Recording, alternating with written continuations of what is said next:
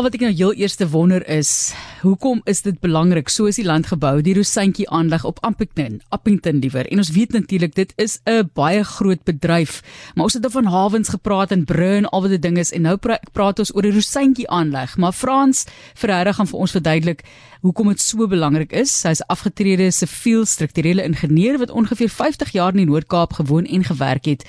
Hy's tans in diens van 'n Spaanse groep soos ons altyd noem. Welkom Frans. Baie dankie, middag. So die waarde van hierdie rosantjie aanleg voordat ons gaan na 1908 waar die SAD SAD natuurlik reeds bestaan het, maar hoekom is dit so belangrike kan ek sê infrastruktuur vir Appington? Want kom ons begin maar daar by die boere op die plaas. Daar is twee tipe boere in die Appington area as ek dit sou kan sê.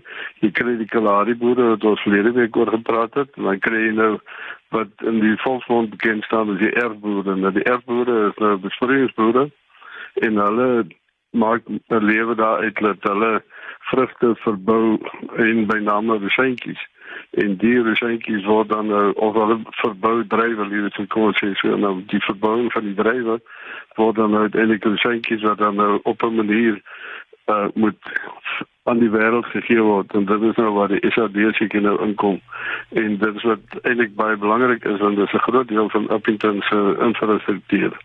So vertel vir ons 'n bietjie van hulle geskiedenis soos ek gesê het jy sê 1908 is waar ons begin.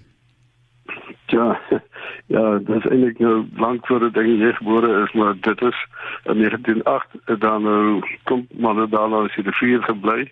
Dit is nog voor die inwording en allerlei lekker goedes en toe het hulle nou maar so begin verbou maar soos wat dit is uh, en daar skaars en getalle en toe die ouens by mekaar gekom en hulle toe nou 'n koöperasie gemaak van die boere en toe het hulle nou die vrugte begin uh verkoop en so aan en dit het eintlik tot daartoe gelei dat hulle 'n Appington die aanleg gemaak het in 1938.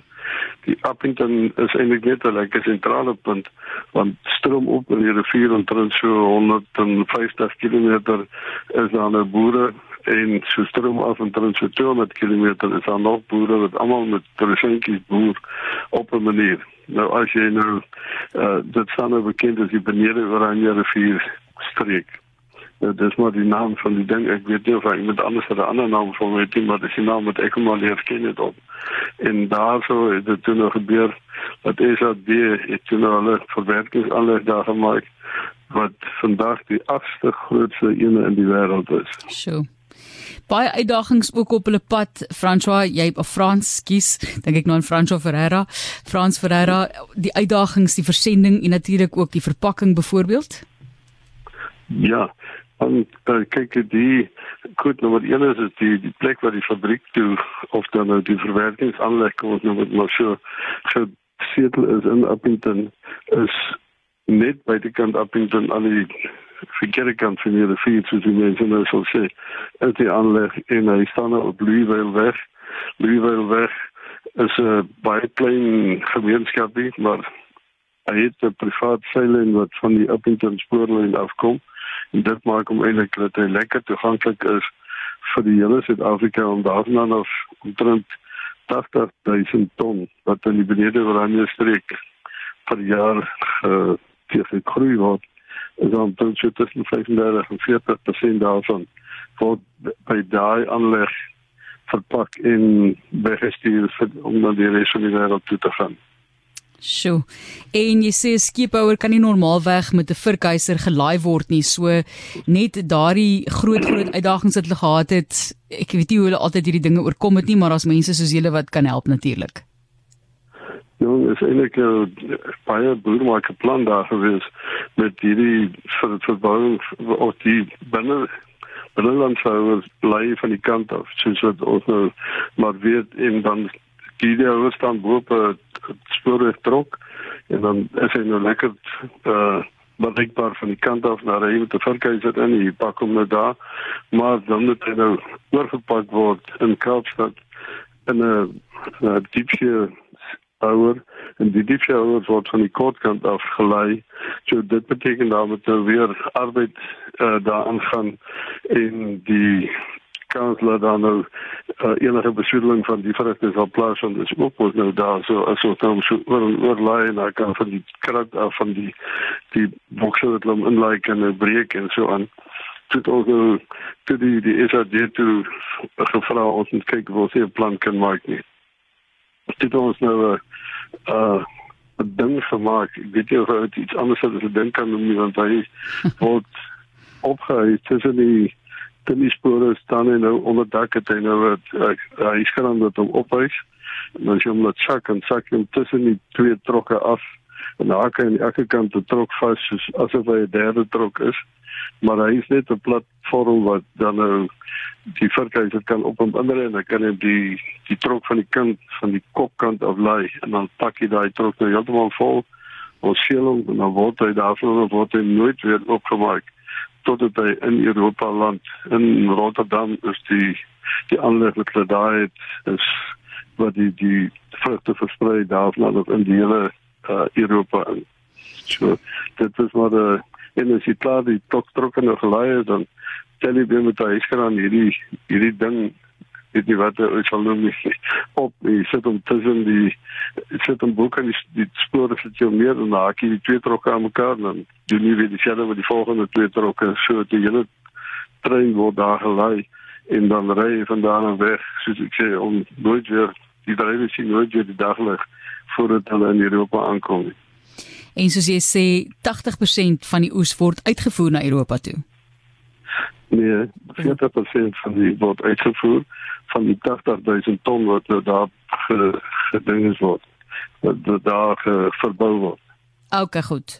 Dan ek jou ek hoop ek het jou reg, maar jy het ons dit uitgeklaar, dis reg soos ek het verstaan dit. Ja. Maar dit is hierdie groot uitdagings. Ons praat van die Rosyntjie aanleg op Appington en Frans Ferreira wat vir ons hierdie verduideliking gee van die groot planne wat hulle ook gemaak het. En ja, dit is net ongelooflik wat julle mee vorendag kan kom in die boer maak 'n plan konsep. So, hoe loop sake daar tans? Hoe betrokke is jy tans, Frans? Nee, op tans is ek nie betrokke daarbey meer is dat ek nou die die dame wat die bestuur bestuurder daar so is is nou 'n goeie vriend van ons maar dit is nou sommer net so tussenin en maar die die die die die, die verbouingsaanleg soos jy nou self kan dink dis in 1938 begin is was redelik verouderd in die tyd dat ons daar so in toe 19 90 omtrent daar aangekom het, was daar nou die hele klompie werk wat ons gedoen het. Koelkamers wat aangesit is en so aan. Maar die die groot ding is is eintlik ons het die die lyn wat deur die fabriek loop van waar die resenkie nou op die eerste ander uh, eerste konveyerband ingaan tot by aan die kant in die in die boksie binne in die trok het ons dit die lyn in die regheid gemaak. Dit het baie in draai geloop binne in die in die fabriek soos wat dit maar geloop het. Maar praat dit 'n bietjie oor hoe werk dit nou in die dryf as die dryf nou daar aankom dan die boere uh, of as jy nou met 'n skenkie of die bedrywe boer, dan kan jy een van drie goed doen met jou bedrywe. Jy kan dit of uh vir die wynkelder stuur dat hulle daarvan wyn maak of jy kan dit dan nou skenkies maak daar op die plaas of jy kan dit verpak en dan word dit nou tafeldrywe wat nou weer 'n ander pad het wat hy volg. Maar die die drywe wat nou daar met die by die by die aanleg aankom om die skenkies verpak te word, dan word eers op skenkies op die plaas. Jy klik klik af jy sit op dat genoem word 'n droogbaan. 'n droogbaan is nou net 'n lekker groot sementblad wat die dreigel opslaan en dan word dit nou die son brand om vir ons dat die seentjies word. Jy moet net pas op as dit reën met jou net die reën uit anders dat elke keer dat daar reën op hom val dan uh, verlaag sy graad dis meer van wat gebeur met hom so ons vat hom daar en behandel hom met bietjie swaal ook net om die die uh, groot kogels weg te hou. En dan kom hy daar by is dat jy se aanleg aan. Gooi hom eers van alles deur 'n uh, masjien wat uh, klipvanger is. Nou die klipvanger hy uh, werk so dat die die swaartekrag gaan die drywe in die een rigting en die die klipperigheidjies wat maar op hom sal wees, gaan nou af en al ons dit uit dan so 'n skoon drywer wat ook verder mee kan gaan.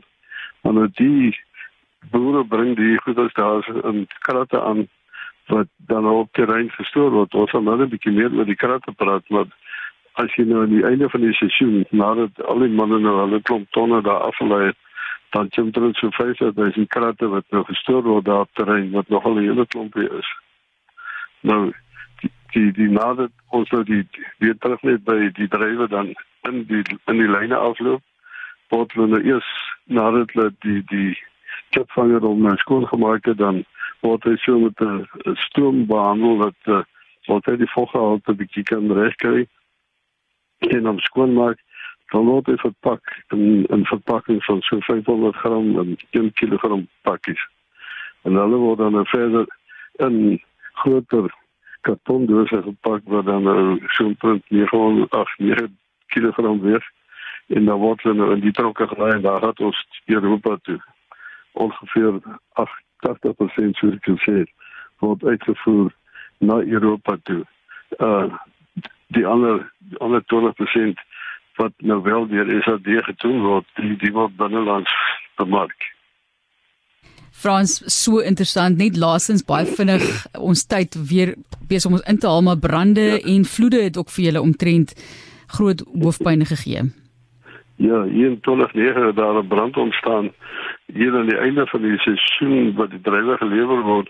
Dis aan nou 50000 van die kratte wat ons nou nog van gepraat het, staan hulle daar op die terrein in daar het 'n brand ontstaan daar so wat eintlik van buite af op die die, die terrein opgekom het.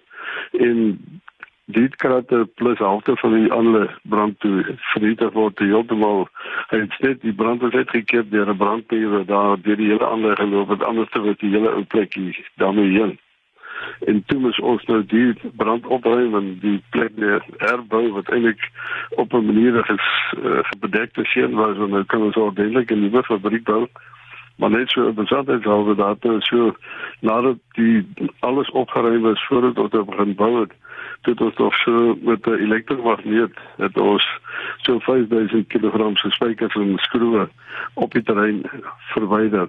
Sure. Want hulle sou net in die pad wees.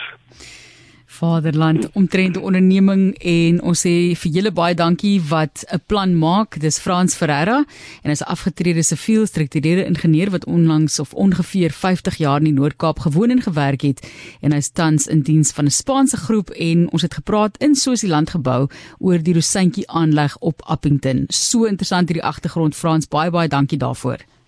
Dankie, is 'n plesier hoor.